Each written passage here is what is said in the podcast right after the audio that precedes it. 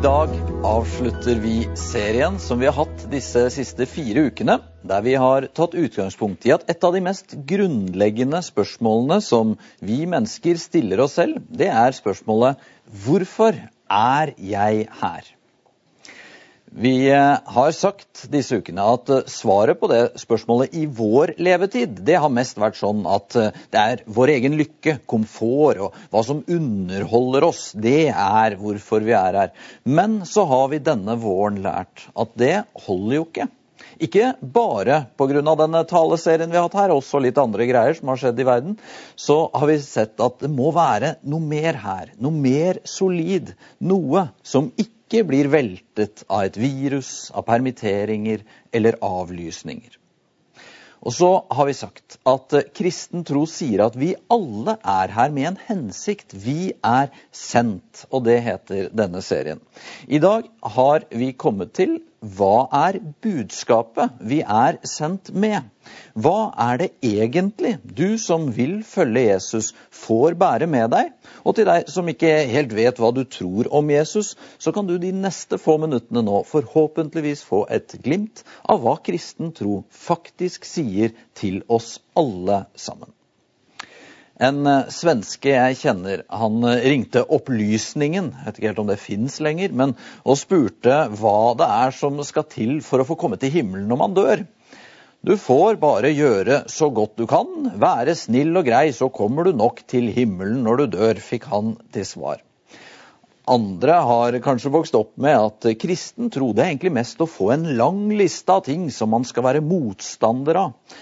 Som en sa, en kristen er en som går rundt med en nagende frykt for at en eller annen et eller annet sted har det morsomt. Men hva er egentlig kjernen? Hva er egentlig budskapet som vi får være sendt med? Jesu første tale, programerklæringen hans, den var veldig kort, og den gikk sånn her. Tiden er inne.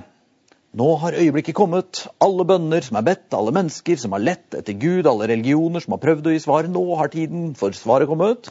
Og så fortsatte han med en tale som hadde tre punkter. Der lignet Jesus på oss i Filadelfia-kirken. Han sa for det første Guds rike er kommet nær. Gud er ikke så fjern som du tror. Gud er her, rett ved siden av deg. Ikke et helt annet sted. Gud har kommet nær deg. Så sa Jesus for det andre, venn om, snu deg. Det er så mye fint i livet som vi lar bli ødelagt av det som skader oss. Men vi kan snu oss mot Han som alt det gode kommer fra. Og det tredje han sa, det var tro på de gode nyhetene. Eller evangelium på gresk, som det står i bibeloversettelsen. Tenk på det. Hvis du ikke har hørt det kristne budskapet som gode nyheter, kanskje du ikke har hørt det samme budskapet som Jesus kom med. Kanskje har det vært noe annet blandet inn i det hvis du ikke har hørt det som gode nyheter. Det skal vi komme tilbake til. For det vi skal gjøre nå, det er å se på disse punktene i talen til Jesus. Guds rike har kommet nær, venn om og tro på de gode nyhetene. Og vi begynner med at Guds rike har kommet nær.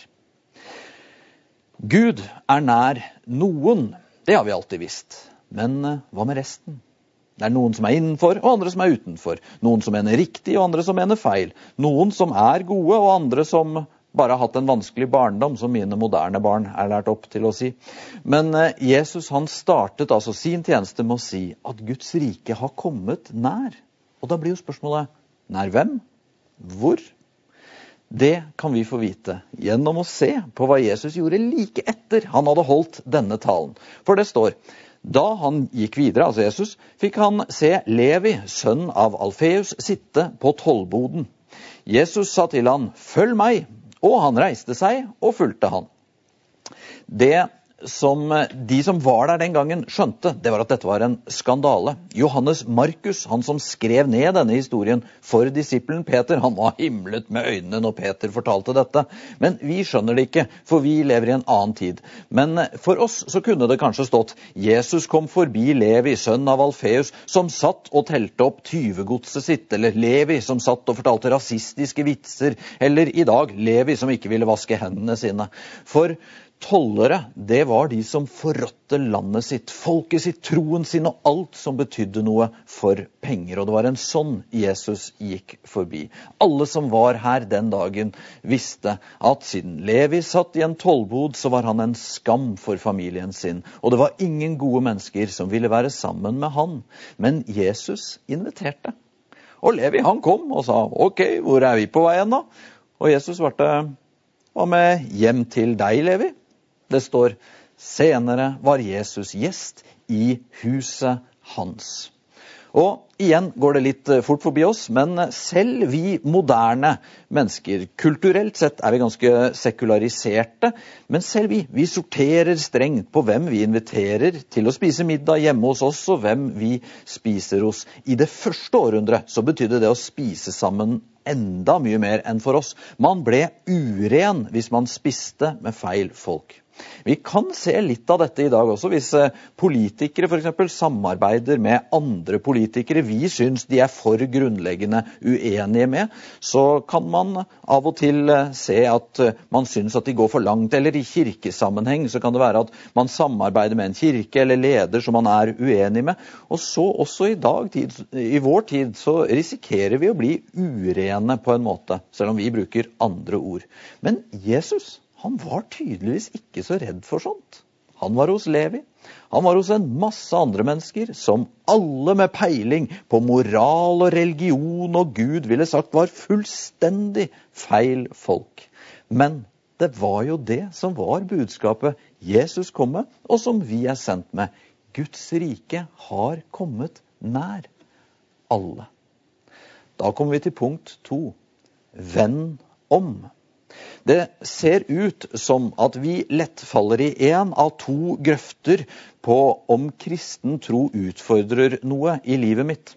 Den ene grøften det er når kristne blir redde for alt i livet og sier at alt er skummelt, syndig eller skittent. Den andre grøften det er når kristen tro blir så liten at den alltid bare er enig med siste taler og meningsmåling. La oss fortsette historien om disse første dagene med Jesus. Han er altså nå gjest hos en landssviker av en stusslig kar, men det skal bli mye verre enn det. For det var ikke bare Jesus og noen av de første disiplene som satt sammen med Levi og tok seg av han i et slags småfellesskap langt ifra. Det står og mange tollere og syndere var til bords sammen med Jesus og disiplene, for det var mange som fulgte han det der, det var ikke bare en middag. Det her, det var en fest. Og det var en fest som jeg som tenåringspappa ikke ville likt at tenåringene mine var på. Dette var feil sted for en som ville være rabbi, bli respektert som lærer. Jesus han måtte ha gått seg bort her. Og når han tydeligvis ikke skjønte det selv, så var det andre som var mer enn villig til å opplyse Jesus om at dette var feil, nemlig de religiøse lederne. De hadde allerede for lengst begynt å følge med på alt rundt Jesus. For det var en sånn kraft i ordene han sa, og det gjorde at de måtte følge med. Det står da de skriftlærde blant fariseerne så at han spiste sammen med syndere og tollere, sa de til disiplene, hvorfor spiser han med tollere og syndere? De sto utenfor, for de ville ikke selv gjøre seg urene med å gå inn på denne festen. Men hver gang noen kom ut derfra, kanskje ikke akkurat for å ta en røyk, men for noe i hvert fall, så var fariseerne på dem. Hva skjer? Hva, har han ingen respekt der inne? Hvorfor er han med disse dårlige folka? Jesus fikk høre at de sto utenfor og skar tenner om han, og det står Jesus hørte det og sa til dem, det er ikke de friske som trenger lege, men de syke. Tenk, Levi og vennene stoppet midt i en slurk.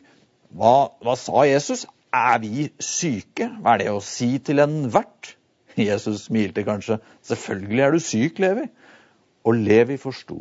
Det er noe i oss som er sykt. Det er noe i oss som ødelegger det som er fint. Det er en drivkraft i oss som ikke drar oss mot å bli oss selv på vårt beste, men som heller ødelegger det som er fint. Men Levi, ikke bli fornærmet nå. Hør nå. Jesus fortsatte. Jeg er ikke kommet for å kalle rettferdige, men syndere. Og da var det Peter, Jakob og Andreas, disiplene hans, som stoppet midt i en slurk. Hva sier du, Jesus? Vi er jo kalt av deg. Er ikke vi da rettferdige? Og plutselig der, midt i denne syndige festen, så ble det klart for alle som var der. Ingen av de var rettferdige. Og likevel så var det der Jesus var. Likevel var Guds rike kommet nær.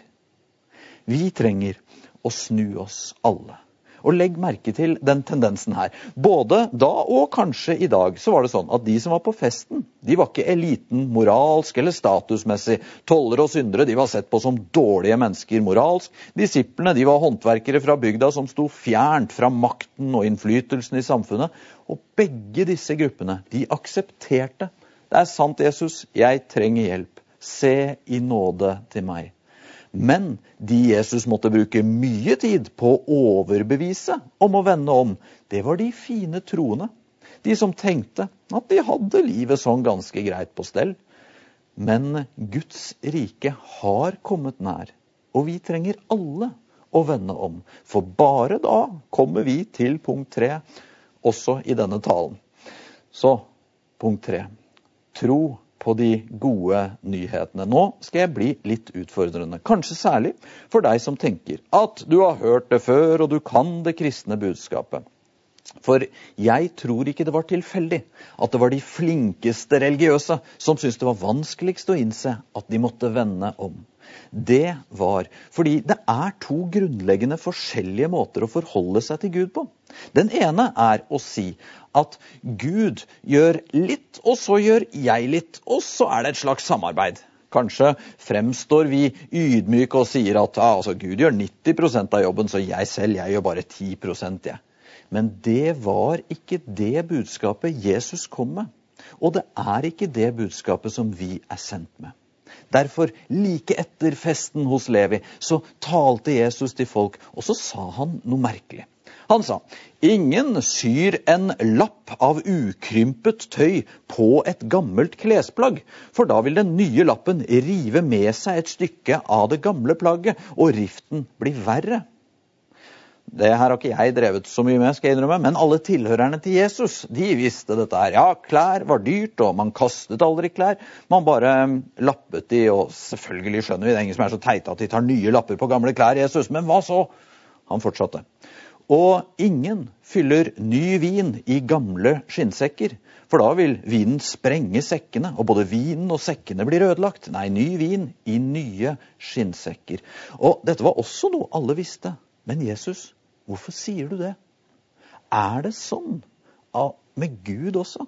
At troen ikke er et lappestykke med det nye fra Gud som vi legger på vårt eget gamle strev etter å lykkes, men at alt må bli nytt. Og ingenting av det gamle av våre egne prestasjoner, eller for jødene på Jesu tid, deres vellykkethet i å klare å følge loven, hjelper da.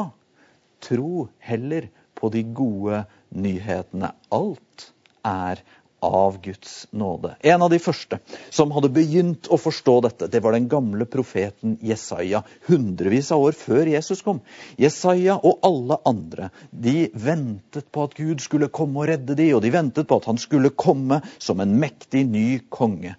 Derfor ble Jesaja selv sjokkert da Gud viste han kongen som var på vei, og Jesaja måtte forundret fortelle det han så. Han var foraktet, forlatt av mennesker, en mann av smerte, kjent med sykdom, en de skjuler ansiktet for. Han var foraktet, vi regnet han ikke for noe. Snakk om forventningskrasj. Hvem vil ha en sånn helt? Hvorfor, Gud? Hvorfor en så elendig konge? Jo, Jesaja forklarte. Sannelig, våre sykdommer tok han. Våre smerter bar han. Vi tenkte han er rammet. Han er slått av Gud og plaget. Men han ble såret for våre lovbrudd, knust for våre synder. Straffen lå på han. Vi fikk fred. Ved hans sår ble vi helbredet. Vi som i alle. For Gud har kommet nær alle.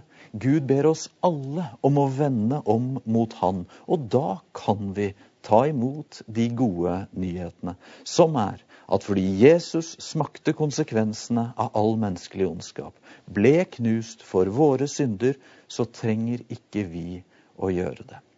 Og de gode nyhetene er at dette her er ikke et 50-50-samarbeid. Det er ikke et 90-10-samarbeid heller.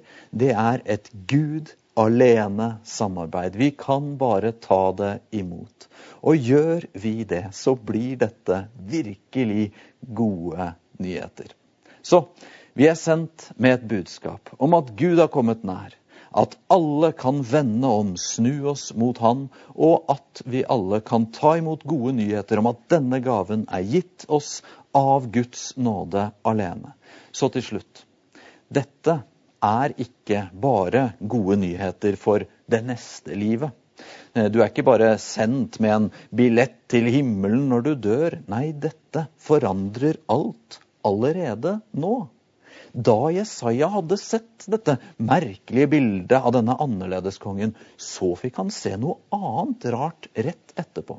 Og før jeg sier hva han så, så må jeg minne deg om at på Jesajas tid så var det en tid hvor kollektive fellesskapet, familien, var det viktigste. De fleste barn de vokste aldri opp til å bli voksne, for det var så høy dødelighet. Stammen måtte stadig ha flere krigere, for hvis nabostammen fikk flest, så kunne din stamme utryddes. Og det var ikke så rart da at kvinner i stor grad mest ble verdsatt for å føde mange barn. Det var sett på som en stor tragedie på denne tiden å være barnløs. Gi meg barn, ellers dør jeg, sa Rakel i første Mosebok. Tenk hvor rart det da måtte være for Jesaja å si det han så i forlengelsen av de gode nyhetene om annerledeskongen. Han sa, juble du barnløse som ikke fødte. Bryt ut i jubelrop, du som ikke fikk rier. For hun som er forlatt, for flere barn enn hun som har mann, sier Herren. Dette høres jo litt rart ut for oss, men i vår tid hadde Jesaja kanskje sagt Juble du som ikke fikk sving på karrieren din. Du som ikke har status, penger og nettverk. Du som aldri blir invitert på drømmeseminar i USA, eller som er tynn på vekten og stor på Instagram. Jesaja så at konsekvensene av de gode nyhetene, av kongen som ga seg selv for oss, det er at det vi tror vi er avhengig av for å lykkes, det kan endre seg. Vi blir litt friere fra kravene i kulturen rundt oss. Kvinner i Israel på Jesajas tid uten barn kunne juble. Og menn og kvinner i Norge som ikke ikke har lykkes med det som samfunnet måler oss hardest på, kan juble. For livet vårt det er ikke lenger i hendene på vår egen menneskelige suksess, men på noe mye, mye større. Så vi er sendt med budskap om at Gud er kommet nær. Der hvor du og jeg er akkurat nå. Vi oppmuntres til å vende om, og vi tilbys å tro på de gode nyhetene om at dette er gitt oss av Gud.